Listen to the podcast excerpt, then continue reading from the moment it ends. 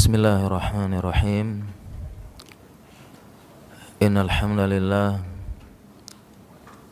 nahmaduhu wa nasta'inuhu wa nastaghfiruh. Wa na'udzu billahi min shururi anfusina wa min sayyiati a'malina. May yahdihillahu fala mudilla lah. Wa may yudlil fala hadiyalah أشهد أن لا إله إلا الله وأشهد أن محمدا عبده ورسوله لا نبي بعد Para jamaah salat subuh yang semoga dimuliakan dan dirahmati oleh Allah Jalla Jalaluh.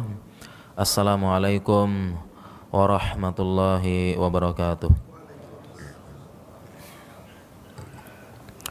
Alhamdulillah pada kesempatan pagi hari ini insya Allah kita akan membahas tema yang terkait dengan bulan Ramadan, bulan mulia yang sebentar lagi akan menghampiri kita.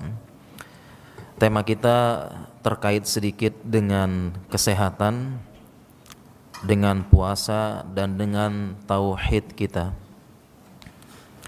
Yaitu bolehkah kita berpuasa karena niatnya ingin langsing. Berpuasa niatnya ingin kurus. Terlebih di bulan Ramadan ya, kita berpuasa sebulan penuh dan banyak yang berat badannya turun serta bisa jadi mengambil momen untuk melakukan diet agar langsing dan agar kurus. Dan memang di zaman ini semua dimudahkan dengan kemajuan teknologi, kemajuan iptek, eh, kehidupan yang modern, manusia benar-benar dimanjakan yang bergerak hanya jari dan jempol semua sudah serba otomatis. Ditambah dengan berbagai macam aplikasi, mau belanja tinggal klik sampai ke rumah, mau begini tinggal klik sampai ke rumah, pintu otomatis, ya, TV pakai remote dan sebagainya, menyebabkan manusia dimanjakan sedikit bergerak dan mohon maaf ya kegemukan menjadi suatu permasalahan kesehatan di mana-mana terutama di kota-kota besar dan modern. Kita hidup katanya di zaman yang semua serba mudah kecuali satu menurunkan berat badan. Kita hidup di zaman di mana timbangan badan lebih diperhatikan daripada timbangan amal. Momen bulan Ramadan sebagian mungkin ada yang menggunakan sebagai berniat untuk langsing kurus di bulan Ramadan. Bagaimana dengan hal ini? Sebenarnya hal ini terkait dengan bab beribadah dengan tujuan dunia yang dibahas dalam satu bab kitab tauhid. Bab beribadah dengan tujuan dunia. Ya. Bagaimana beribadah dengan tujuan dunia? Tidak kita pungkiri di balik ibadah-ibadah yang kita lakukan yang disebut dalam nas dijelaskan oleh syariat di situ ada keuntungan-keuntungan dunia. Dan ini fakta bahkan beberapa keuntungan dunia tersebut disebutkan dalam hadis tersebut. Jadi dalam ibadah memang ada keuntungan dunia. Baik disebut langsung oleh hadis dan nas atau Al-Qur'an ataupun tidak disebutkan. Contohnya yang disebutkan man aroda ayub satalahu fi rizkihi wa iyun sa'alahu fi atharih falyasil rohimah Barang siapa yang ingin diluaskan rezekinya dipanjangkan umurnya, dua ini adalah keuntungan dunia. Ya, secara umum, falyasil rohimah, hendaklah dia menyambung silaturahmi. Ini disebut langsung oleh Nas. Di balik ibadah tersebut ada keuntungan dunia. Yang tidak disebutkan seperti tadi, puasa berat badannya turun. Dan hampir kita semua mengalaminya ketika Ramadan ada yang turun 3 5 kilo. Tapi Syawal naik lagi. Langsung naik. Dengan cepat.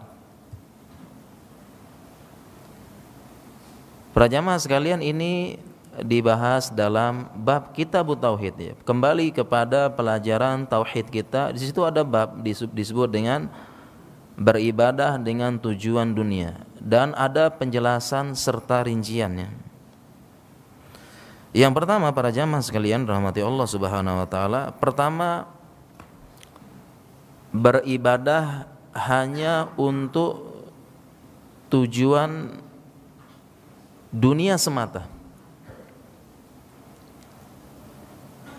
Mayoritas atau bahkan 100% ibadahnya untuk tujuan dunia. Bagaimana dengan hal ini? Maka ini suatu hal yang diharamkan dan termasuk menyekutukan Allah. Termasuk menyekutukan Allah. Karena dia beribadah bukan lillah tetapi dia menyekutukan Allah. Ini termasuk menyekutukan atau dalam kitab tauhid lawan dari tauhid yaitu syirik. Dan ini larangan terbesar dalam agama. Wa azamu ma nahallahu anhu asyirk. Dan larangan terbesar dalam agama kita adalah kesyirikan.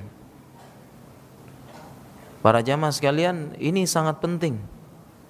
Jangan sampai kita beribadah mayoritas tujuannya atau hampir 100% untuk dunia, mengejar dunia. Ini berarti kita telah menduakan Allah. Harusnya ibadah kepada Allah ini untuk dunia, untuk manusia, untuk makhluk. Dan barang siapa berniat seperti ini masuk semua kepada beberapa ancaman-ancaman orang melakukan kesyirikan dihapuskan dosanya. Laukanu asyraku lahabitu anhum makanu ya'malun. Dihapuskan dosanya. Dimasukkan ke neraka faqad wa may yusyrik billah faqad haramallahu alaihi jannah wa ma'wahu nar. Dan seterusnya. Terhapus dosanya.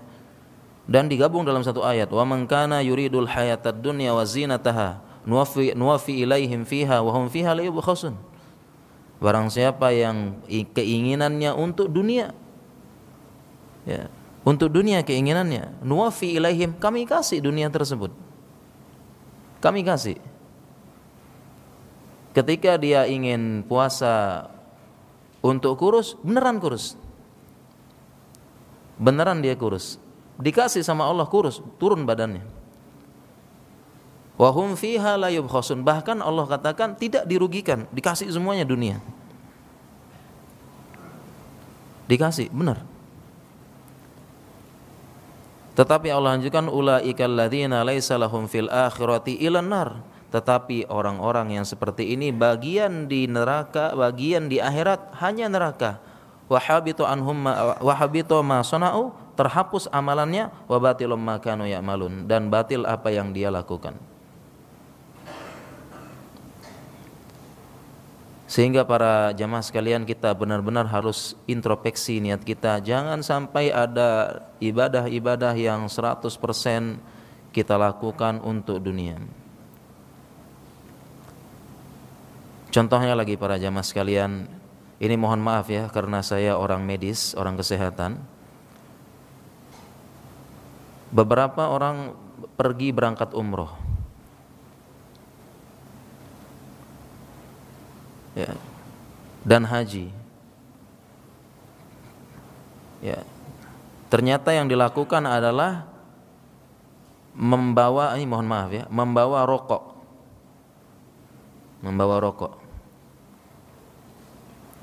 Membawa rokok, kemudian di Indonesia bawa rokok, ya, dia taruh di bahkan e, di beberapa koper jamaah dia taruh.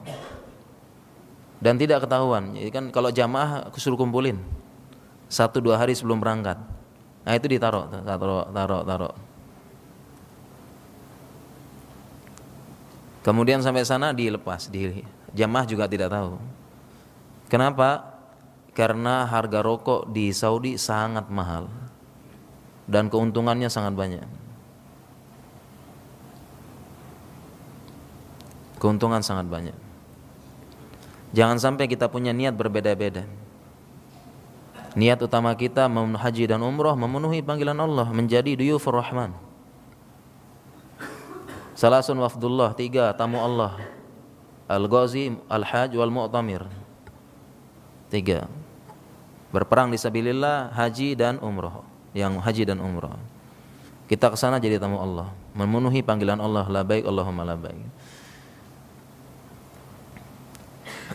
Para jamaah sekalian, ini termasuk termasuk suatu kesirikan yang kita benar-benar harus hati-hati.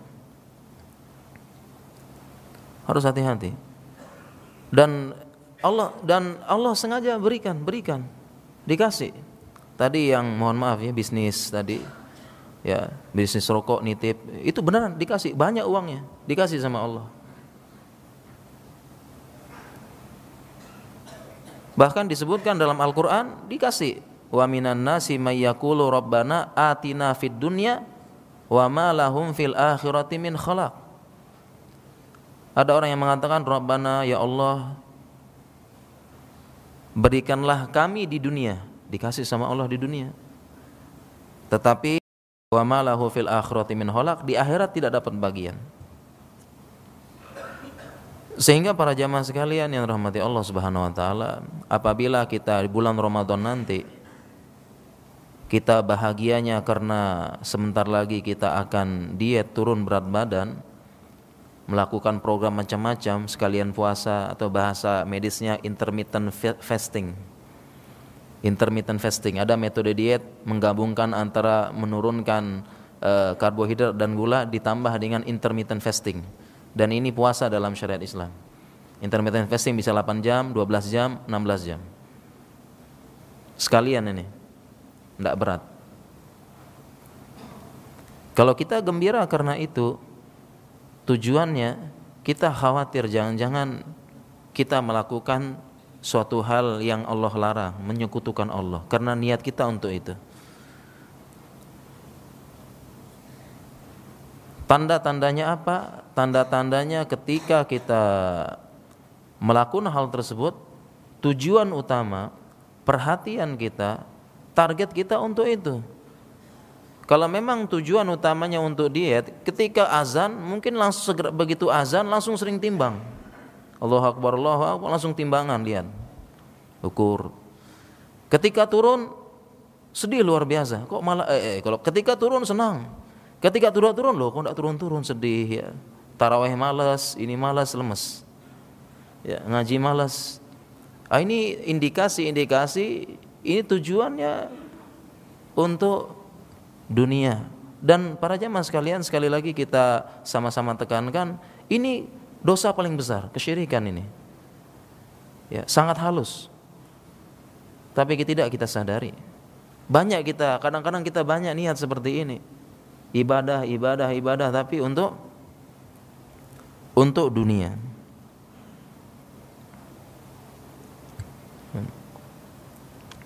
Kemudian ada beberapa contoh yang lain tadi ya. Contoh-contoh yang lain masih ada, rincian yang lain. Tadi rincian pertama niatnya ibadah niatnya untuk dunia 100%. Kemudian yang kedua beribadah hanya mengharap wajah Allah saja.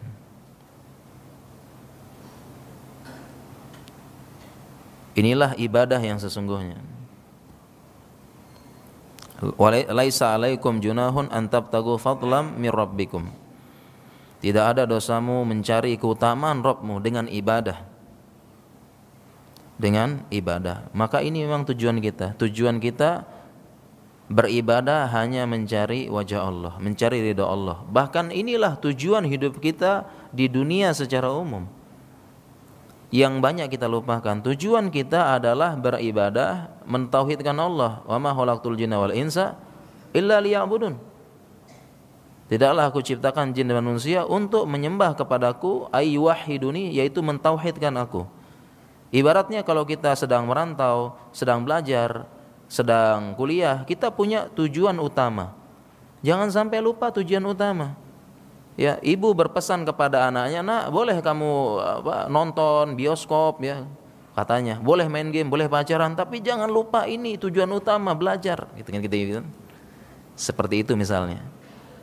Dia selalu ingat ya, tujuan utamanya ini. Jadi ketika ada ketika ada ujian semester ini nanti dulu, ini nanti dulu, ini tujuan utama. Kurang lebih tujuan hidup kita seperti itu para jamaah. Kita tujuan hidup kita di muka bumi beribadah kepada Allah, mentauhidkan Allah, menunaikan hak Allah di muka bumi serta mengajak seluruh manusia sama-sama menunaikan hak Allah di muka bumi serta uh, menjauhi kesyirikan dan sebagainya. Ini tujuan utama kita. Dalam ibadah, dalam amal dan dalam dakwah. Ini jangan lupa. Jangan sampai yang lain-lain jadi prioritas, ini yang kita lupakan. Kita lupa. Baik dalam dakwah maupun kita sibuk dakwah ini, dakwah ini lupa dakwah tauhid. Kita sibuk uh, beramal yang ini lupa dengan tauhid kita. Kita sibuk uh, mengevaluasi akhlak kita dan sebagainya. Lupa kita introspeksi niat kita, tauhid kita. Ini kita perlu sering-sering uh, saling mengingatkan. Kemudian para jamaah sekalian rahmati Allah Subhanahu wa taala, Ya, rincian selanjutnya. Eh, rincian selanjutnya adalah apabila niat ibadah dan tujuan dunia seimbang. Sama-sama 50 persen. Ya, tujuannya sama-sama 50%. Maka penjelasan dari ulama Syekh Al-Utsaimin mengatakan pendapat terkuat dia tidak mendapatkan pahala.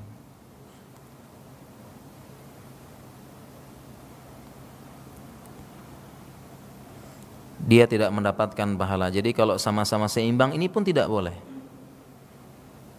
Sama-sama seimbang pun tidak boleh. Jadi kita benar hati-hati benar-benar harus hati-hati seimbang saja tidak boleh karena ibadah tujuannya untuk Allah.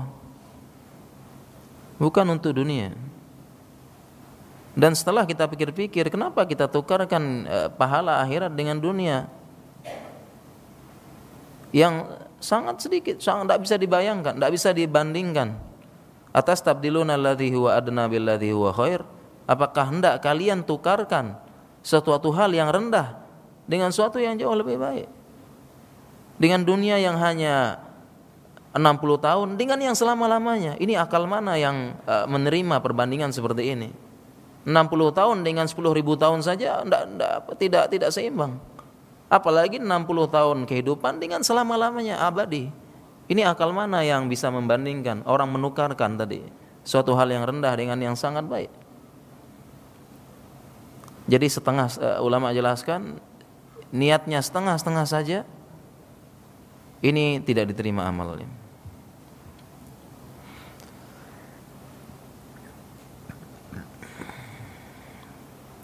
Kemudian rincian selanjutnya para jamaah sekalian dirahmati Allah Subhanahu wa taala.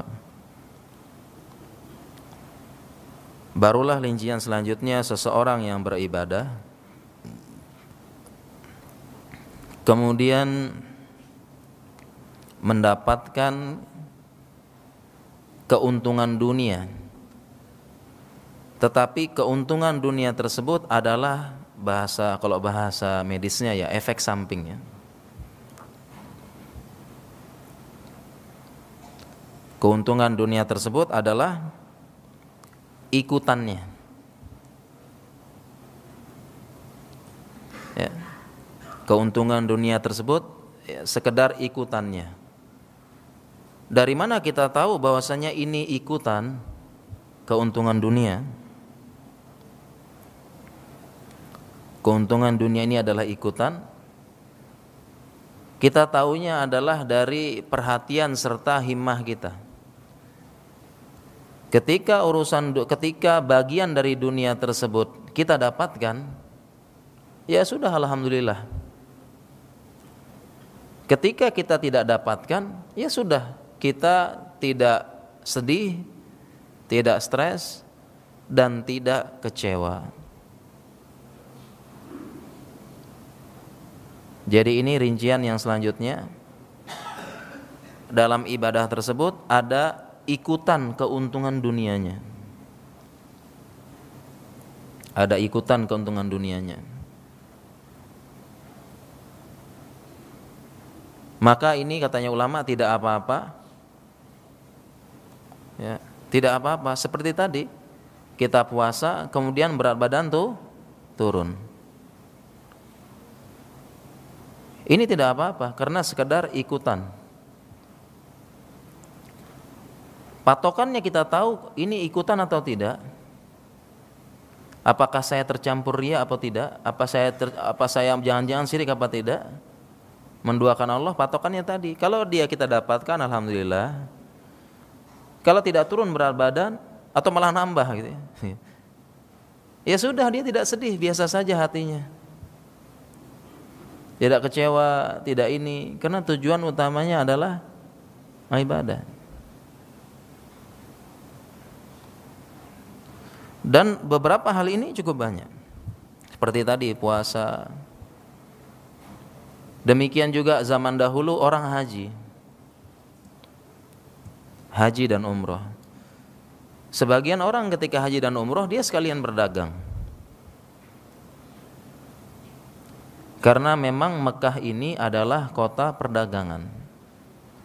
Mekah eh, penduduk Mekah penghasilan utamanya berdagang. Dan memang kota perdagangan. Dan eh, komoditas utamanya adalah berhala.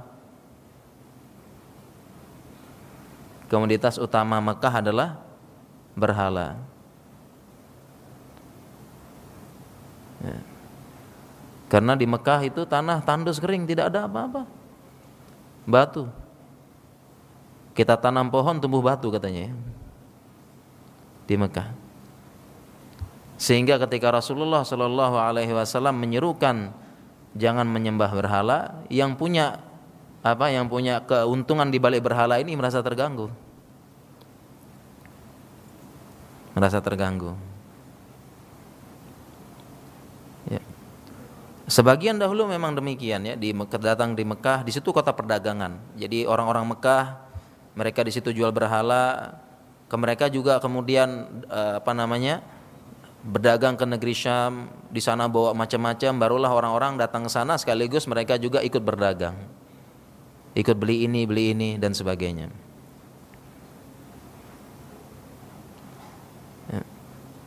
Dan dulu dibahas oleh para ulama sejak dulu datang haji boleh berdagang, boleh jawabannya silahkan. Ketika haji berdagang, tetapi lihat ini hanya sampingan. Sampingan ada kesempatan tetap utamanya ibadah haji dan umroh. Patokannya apa tadi? Patokannya himah terbesar adalah ibadah haji dan umroh. Ini sekedar ngisi waktu.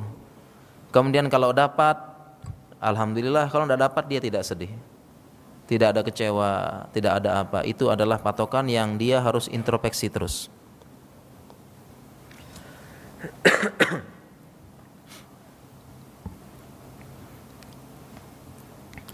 Kemudian rincian terakhir para jamaah sekalian. Rincian terakhir ini dibahas dalam beberapa kitab tauhid. Rincian terakhir adalah Eh, beribadah dengan tujuan dunia yang di mana syariat dan nas menyebutkan memang ada keuntungan dunia di balik ibadah tersebut. Jadi ada nasnya, ada syariatnya menyebutkan secara sore tegas ada keuntungan dunia dalam ibadah tersebut.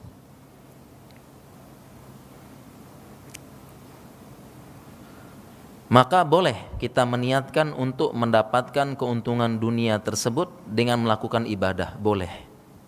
Karena syariat menyebutkan memang ada keuntungan dunia dalam ibadah tersebut. Boleh. Dan ini ulama jelaskan motivasi kabar gembira bagi Allah untuk hambanya di dunia. Karena syariat menyebutkan. Contohnya misalnya, dan contoh ini cukup banyak. Contohnya misalnya kita beristighfar, sering-sering beristighfar agar harta kita bertambah dan anak kita bertambah. Boleh kita niat seperti ini. Saya istighfar ah, kenapa? Mudah-mudahan ah, semoga anak saya makin banyak. Ini kan keuntungan dunia. Kenapa? Supaya harta saya makin banyak dan berkah. Boleh. Karena Nas menyebutkan ada keuntungan dunia dalam hal tersebut. Fakul tastaghfiru rabbakum innahu kana ghafara yursilis sama alaikum idrara wa yumditkum bi amali wa bani wa yaj'al lakum an jannati wa yaj'al lakum anhara. Beristighfarlah kepada Rabbmu sesungguhnya Rabbmu Maha Pengampun. Allah akan utus hujan kepada kalian kemudian akan wa yumditkum bi amwali wa banin. Allah akan memperbanyak harta dan memperbanyak anak-anak kalian. Lihat, istighfar akibatnya dunia. Jadi boleh saya istighfar ah dalam hati niat saya mudahan anak banyak, rezeki banyak berkah. Ini boleh. Jadi para jamaah sekalian, sekali lagi kalau memang ada nas tegas sorry tertulis disebutkan keuntungan dunia tersebut boleh kita. Karena memang Allah yang sebutkan.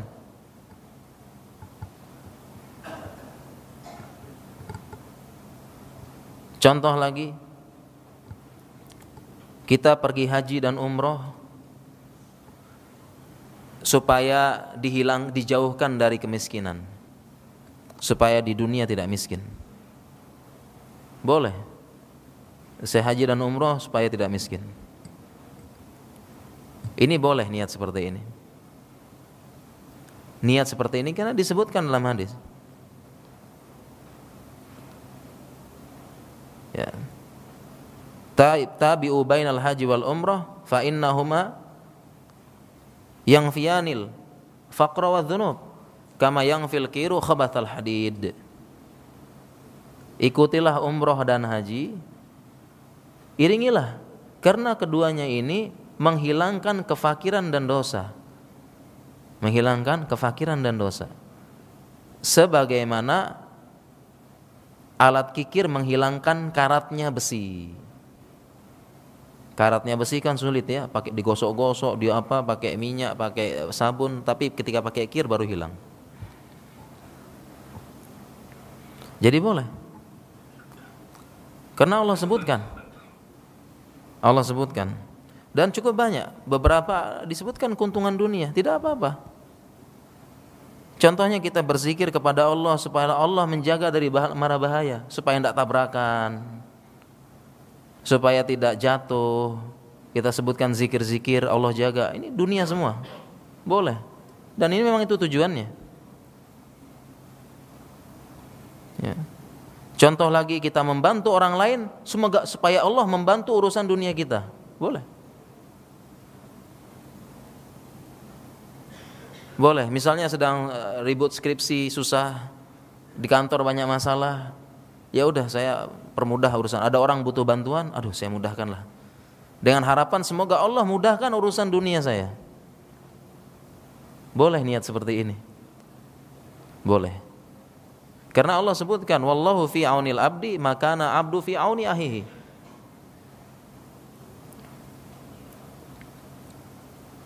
Allah senantiasa membantu seorang hamba selama hamba tersebut membantu saudaranya. Boleh. Ada orang susah. Dan sebagainya susah butuh bantuan. Kita bantu. Harapannya semoga Allah bantu saya nanti urusan-urusan dunia saya. Mudah. Skripsi mudahan nanti skripsi saya lancar. Boleh. Boleh. Ya. Dan banyak contohnya para jamaah sekalian yang dirahmati Allah Subhanahu wa taala contoh-contoh terkait dengan hal ini asalkan disebutkan oleh syariat secara nas dan sore.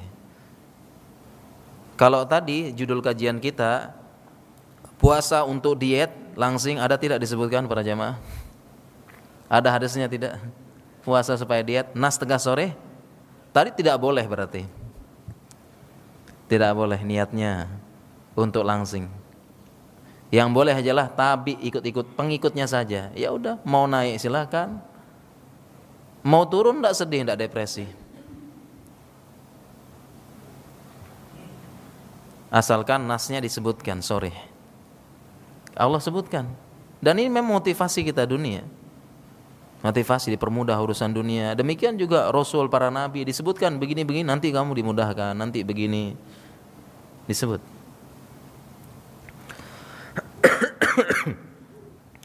Akan tetapi para jamaah sekalian dirahmati Allah Subhanahu wa taala ya. Salah satu bentuk kesempurnaan tauhid kita kesempurnaan penghambaan kita kepada Allah Subhanahu wa taala adalah kita beribadah benar-benar hanya Allah saja. Yang tadi kita katakan bo boleh. Itu boleh ya, boleh dengan niat tadi ya. Kita haji untuk menghilangkan kefakiran, boleh.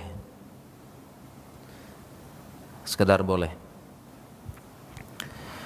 Tetapi eh, salah satu bentuk kesempurnaan ibadah kita, kesempurnaan tauhid kita adalah kita benar-benar beribadah hanya berharap kepada Allah saja.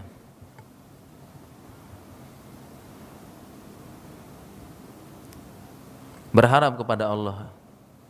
Salah satu bentuk kesempurnaan ibadah kita pokoknya kita ibadah ini untuk Allah. Itu yang kita pikirkan paling utama. Mau datang urusan dunia terserah. Mau tidak datang urusan dunia, terserah. Pokoknya saya ibadah untuk Allah saja pokoknya. Ini adalah bentuk kesempurnaan tauhid seseorang. Yang penting dia meyakini ya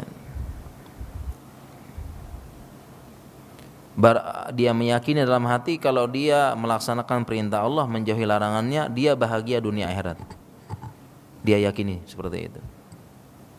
Ini bentuk kesempurnaan yang sempurna. Kalau tadi kan boleh saja gitu ya. Ya boleh. Mau ke mana? Silaturahmi ah biar apa? Panjang rezeki biar uh, biar uh, diluaskan rezeki biar panjang umur. Boleh niat seperti itu. Kan tadi disebutkan hadisnya Man arada ibsatallahu fi rizki wa yunsa'alahu fi athari falaysi rahimah. Disebutkan. Boleh. Kan disebutkan barang siapa yang ingin, ya ya saya silaturahmi memang inginnya itu. Boleh. Tapi sekedar boh, boleh. Tapi kalau untuk kesempurnaan niat kita, kesempurnaan tauhid kita, kenapa Allah yang perintahkan saya silaturahmi ini? Kenapa? Karena Rob saya yang perintahkan kepada budaknya, kepada hambanya. Saya patuh sajalah. Ini bentuk kesempurnaan. Artinya udah tidak sudah terlalu dipikirkan. Walaupun boleh tidak usah terlalu dipikirkan. Ini bentuk kesempurnaan. Kita lihat contoh kesempurnaan ibadah tauhid para sahabat. Disebutkan innama qaulal innama kana qaulal mu'minina idza du'u ila Allah wa rasulihi liyahkuma bainahum ayyaqulu sami'na wa ata'na. Inama kana qaulal mu'minin. Dan beginilah ucapan seorang mukmin ketika diseru kembali kepada Allah dan Rasulnya supaya berhukum dengan hukum Allah. Kembali kepada kitab Allah dan sunnah. Ayyakulu sami'na wa ata'na. Taat dan patuh. Jadi para sahabat dahulu ketika ditanya ketika diperintahkan mereka langsung sami'na wa ata'na bentuk kesempurnaan ibadah mereka. kesempurnaan tauhid mereka. Langsung aja. Kenapa? Allah dan Rasulnya yang perintahkan. Tidak ada pikir-pikir yang lain lagi. Tidak ada ini karena ini perintahkan. Kenapa sudah Rob saya yang perintahkan kepada budaknya, saya ini budak, saya patuh. Memang itu memang saya tugas memang tugas saya adalah sebagai budak patuh. Ada tidak uh, budak di dunia atau mohon maaf ya, mungkin asisten rumah tangga. Disuruh sama majikan, "Oh, coba belanja anu, belanja apa? Uh, di pasar belanja ini." Tiba-tiba dia mikir, "Kok harus belanja ini, Bu? Bukannya belanja ini, Bu ya?" Gini. Ini tidak manfaat, Bu. Bisa ada tidak seperti itu? Budak atau budak ataupun asisten rumah tangga misalnya. Ada tidak? asisten rumah tangga majikannya suruh belanja ini ke pasar tiba-tiba dia mikir oh, kayaknya enggak bu enggak kalau saya pikir kayaknya ini lebih baik jangan ikan deh kita lele aja gitu ada tidak ada ini kesempurnaan seorang hamba kita budak budaknya Allah Abdullah wa amatullah budak perempuan Allah ketika Allah perintahkan sudah patuh saja tidak ada mikir-mikir macam-macam kita analisi dulu analisa dulu apa keuntungan dunianya apa Kemudian apa ininya? Apa keuntungan untuk masyarakat? Apakah tidak berbahaya atau apa? Tidak ada langsung. Sebagaimana tadi para sahabat. Ini bentuk kesempurnaan ibadah kepada Allah, sempurnanya tauhid. Ketika diperintahkan sudah samina wa ata'na. Itu para sahabat. Ketika Rasulullah Shallallahu Alaihi Wasallam perintahkan para sahabat langsung samina wa ata'na dilakukan semuanya. Kalau kita sekarang diperintahkan nanya dulu Ustadz ini wajib atau sunnah? Kalau kita sekarang diperintahkan, tanya dulu Ustadz, ini wajib atau sunnah Ustadz? Harapannya sih sunnah gitu ya. Kalau sunnah ya sudah nggak usah dilakukan. Kalau sahabat dahulu begitu ada perintah tidak nanya dulu sunnah atau tidak langsung laksanakan. Karena dia yakin dia tahu di kita dia tahu diri kita ini hamba budak udah laksanakan aja dan dia yakin bah ya apa pun yang Allah perintahkan dan Rasulnya itulah yang terbaik bagi dia karena Allah yang telah menciptakan langit dan bumi Allah yang lebih tahu bagaimana hidup lebih baik di muka bumi ini a antum a'lamu amillah apakah kalian atau Allah yang lebih tahu tentunya yang menciptakan yang lebih tahu kalau kita HP kita error, mobil kita error, kita kan biasanya lebih bagus uh, perbaikannya ke dealer resmi atau ke tempat servis resminya. Kenapa? Karena dia yang buat. Dia yang tahu, dia yang lebih tahu. Demikian juga dengan kehidupan di dunia ini, yang buat yang lebih tahu bagaimana cara bahagia dan sebagainya. Ya. Demikian para sahabat luar biasa langsung berhenti. Bukti kesempurnaan ibadah dan tauhid para sahabat. Dan ini yang tauhid seperti inilah yang membawa kepada kepada kejayaan Islam yang seperti ini yang membawa kepada kejayaan Islam yang kita umat Islam ini merindu-rindukan kapan Islam berjaya, kenapa Islam ditindas terus, kenapa Islam selalu di nomor sekian kan, kenapa Islam lemah. Solusinya apa? Tauhid dan keimanan seperti sahabat yang tadi. Tidak banyak analisa sana sini sana sini. Ya, cari dulu apa keuntungan dunianya. Kenapa riba diharamkan? Bukankah begini? Bukankah saya sama dia sama-sama ridho? Apa masalahnya Ustaz? Riba diharamkan? Ya. Saya kasih pinjam satu juta, dia kasih pinjam, dia balikan satu juta seratus. Saya ridho, dia ridho, tidak masalah, cuma kecil kok. Apa masalahnya? Gitu kan? Nah, mulai pikir. Padahal dia saja yang belum tahu, belum menganalisa secara umum. Riba menghancurkan ekonomi suatu umat, hancur karena riba. Kalau skala kecil tidak terlihat mungkin. Hancur. Kita lihat para sahabat yang kesempurnaan imannya luar biasa. Salah satunya adalah ketika turun ayat diharamkannya khamar.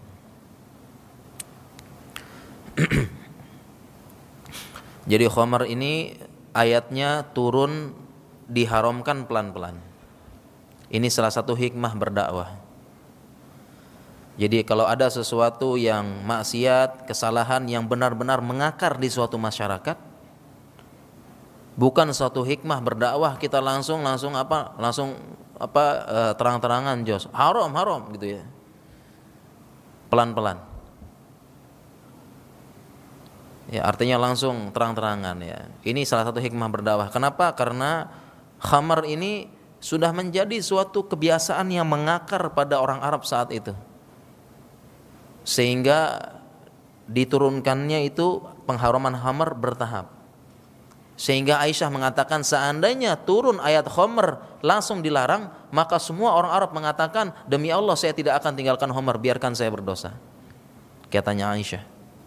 Turun pelan-pelan. Ya bertahap ya, mulai dari apa jangan dekati solat ketika mabuk. La taqrabu solat wa antum sukaro. Jangan solat kalau sedang mabuk. Jadi zaman dulu solat ya, solat boleh ngomong dulu. Dulu dulu zaman dulu awal-awal disyariatkan sholat, sholat boleh ngomong. Jadi Allahu Akbar gitu, terus ngobrol sama teman boleh. Boleh zaman dulu. Itu awal-awal syariat sholat. Dan kemudian juga itu, akhirnya karena ngab, anu ada yang mabok, sholat mabok gitu, boleh. Akhirnya ini yang dilarang dulu. Wala sholat atau antum sekaro dilarang ya, enggak boleh. Kemudian dijelaskan ya, ini lebih bahaya. Pada Homer itu ada dosa fa innahu Ya. Itu adalah uh, dijelaskan bahwasanya uh, eh dijelaskan manfaatnya eh madaratnya lebih besar daripada manfaatnya. Ya, dijelaskan. Baru terakhir baru diharamkan. Diharamkan al-khamar. Rijsun. Nah, ketika turun ayat khamar pelarangan khamar ini, mulailah orang uh, orang ini menyampaikan di beberapa Madinah, di kota Madinah, diharamkan khamar. Maka saat itu dalam hadis tersebut diriwayatkan saat itu juga semua sahabat e, membawa keluar gentong isi khamar ditumpahkan di jalan semuanya. Ditumpahkan di jalan semuanya. Sehingga saat itu penuh jalan-jalan dengan tumpahan khamar. Saat itu juga Ba, kemudian lanjutannya ada sahabat yang saat itu sedang mabuk minum minum sedang mabuk. Sedang mabuk ya, mabuk minum khamar. Kemudian lewat orang telah turun ayat larangan khamar. Ketika ini lagi mabok, ketika dia dengar tersebut, dia ucapkan ya intahaina robbana gitu ya. Sambil mabok tapi kami berhenti ya Rob, kami berhenti. Jadi mabok-mabok imannya luar biasa gitu. Langsung berhenti intahaina robbana sambil mabok gitu. Kami berhenti ya Rob, intahaina ya Rob gitu. Dia berhenti minum saat itu juga. Luar biasa itu. Enggak ada pakai apa-apa ya pakai ini. Oh, bukankah ini begini khamar? Ya, bukankah begini Ya, demikian juga sekarang ini kalau diharamkan pelacuran ke mana mereka ini gitu. Siapa yang menghidupi pelacur? Siapa yang begini? Macam-macam. Nah, demikianlah para jamaah sekalian yang dirahmati Allah Subhanahu wa taala, ini tujuan. ya, inilah kesempurnaan ibadah kita para jamaah. Yang ini kita usahakan. Salah satu bentuk kesempurnaan tauhid kita ada apa-apa udah laksanakan. Asalkan nasnya sohih berdasarkan pemahaman salafus soleh. Tidak perlu kita ada ini, ini, mikirkan langsung sudah. Ya, ada ibadah tidak usah terlalu mikirkan lagi ah sunnah atau wajib atau sunnah laksanakan. Artinya terlalu memikirkan ya. Kalau belajar hukum boleh. Kenapa harus begini? Kenapa harus begini? Itu suatu bentuk kesempurnaan tauhid kita. Inilah tujuan utama kita hidup di muka bumi. Kemudian yang yang terakhir para jamaah sekalian rahmati Allah Subhanahu wa taala.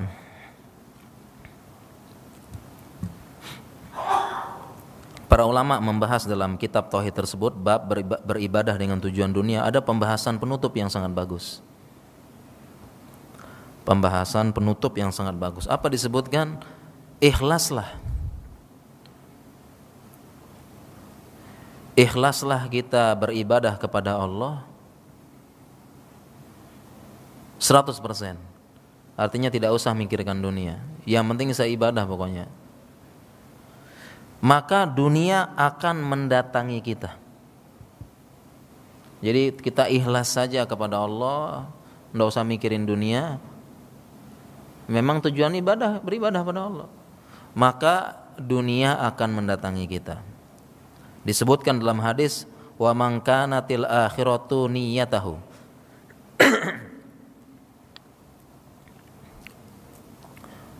Barang siapa yang akhirat itu niat utamanya.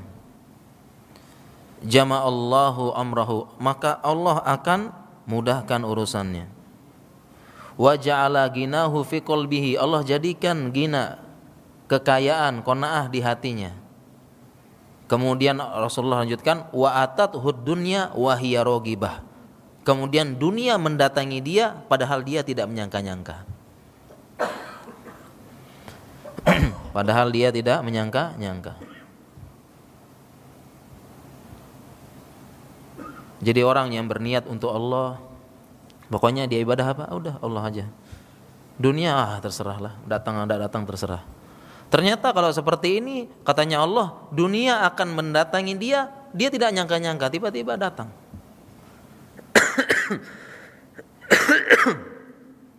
Dan para jamaah sekalian, contoh ini banyak. Banyak saya pribadi banyak mengalami dan saya yakin para jamaah sekalian banyak mengalami seperti ini. Kita niat kepada Allah tiba-tiba datang dunia tersebut. Wahya rogibah. Kita tidak sangka-sangka. Kita tidak inginkan datang. Kita tidak ingin. Ya. Tidak ingin. Beberapa beberapa beberapa orang mengatakan contohnya adalah ulama beberapa para ulama. Contohnya Syekh Al-Albani muhaddis zaman ini. Dahulu dia menulis hadis. Belajar, pokoknya dia belajar nulis hadis. Menulis hadis. Membalas. Sampai-sampai ada uh, muridnya uh, dikasih tulisan. Tolong buku saya ini di tolong tulisan saya ini diperiksa. Muridnya kaget. Kenapa? Karena uh, kertasnya adalah kertas sisa bungkusan Kaget dia. karena karena kertasnya kertas bungkusan. Kalau sekarang kita ini bungkusan kacang mungkin ya. Kaget dia. Kaget disuruh periksa hadisnya. Muridnya tolong ini apa tawaduk murid uh, guru. Ya, tawaduknya guru. Ya, tetap aja tolong periksa siapa tahu ada yang salah ke muridnya. Kaget dia kan kertas bungkusan sisa. Karena miskinnya beliau, tapi beliau pokoknya udah saya pengen memperjuangkan hadis. Setelah itu ternyata lama-lama lama-lama beliau punya buku banyak buku hadis dan akhirnya buku hadis tersebut dicetak banyak dan akhirnya beliau dengan apa dengan uh, buku hadis yang tercetak di mana-mana banyak yang beli beliau punya berkecukupan sekarang berkecukupan jadi beliau dulu pokoknya saya tahunya belajar. Tiba-tiba dunia datang tidak disangka-sangka. Karena bukunya memang fenomenal buku hadisnya. Ya banyak berjilid-jilid banyak yang banyak yang suka banyak yang beli. Tiba-tiba datang. Dan sekarang sudah berkecukupan. Di akhir-akhirnya. Dan banyak kisah-kisah seperti ini. Kemudian para jamaah sekalian rahmati Allah Subhanahu wa taala bagaimana kenapa kita harus berniat ibadah kepada Allah e, saya kasih gambaran misalnya juga terkait dengan puasa dan Ramadan saat ini ya, puasa dan Ramadan saat ini tidak kita pungkiri eh, puasa itu memberikan manfaat medis. Sudah penelitian sangat banyak. Bikin sehat, tensi teratur, kemudian eh, asam lambung teratur. Sekarang kita buat permisalan ada si A dan ada si B si A ini barusan baru saja membaca buku manfaat puasa secara medis. Jadi si A ini tahu banyak manfaat puasa secara medis dia tahu dari metabolit menurunkan metabolisme, mengistirahatkan ginjal, menyaring darah dan sebagainya. Sedangkan si B, si B ini mungkin ya ya orang terpencil dia tidak tahu. Tidak pernah baca manfaat puasa secara medis. Yang dia tahu katanya Pak Ustadz, katanya Pak Kiai, orang Islam Ramadan harus puasa wajib supaya melaksanakan rukun Islam. Ini B cuma tahu seperti ini. Kemudian datanglah bulan Ramadan, si A puasa, si B puasa. Pertanyaannya, apakah si B mendapatkan keuntungan dunia yang di, yang diketahui oleh si A? Pertanyaannya, apakah si B ini mendapatkan keuntungan dunia yang diketahui oleh si A? Dapat tidak? Dapat tidak si B? Dapat. Pertanyaan selanjutnya, mana yang lebih ikhlas kira-kira? Si A atau si B? Yang lebih ikhlas. Si A atau si B? B itu maksudnya para jamaah sekalian dirahmati Allah Subhanahu wa taala. Kita ibadah ini bentuk kesempurnaan ibadah kita dan tauhid kepada Allah Subhanahu wa taala sudah apa yang Allah dan Allah Rasulnya perintahkan udah laksanakan. Tidak usah terlalu banyak kita pikirkan apa analisa ini ini ini dunia apa pokoknya laksanakan asalkan perintah tersebut dalilnya sahih dan sesuai dengan pemahaman salafus soleh. Mungkin demikian yang bisa kita uh, kita uh, bahas pada kesempatan subuh hari ini para jamaah sekalian mati Allah. Mungkin sebelum kita akhiri sebab tahu ada pertanyaan satu dua boleh insyaallah. Kami persilahkan bagi jamaah apabila kalau ada ingin yang bertanya.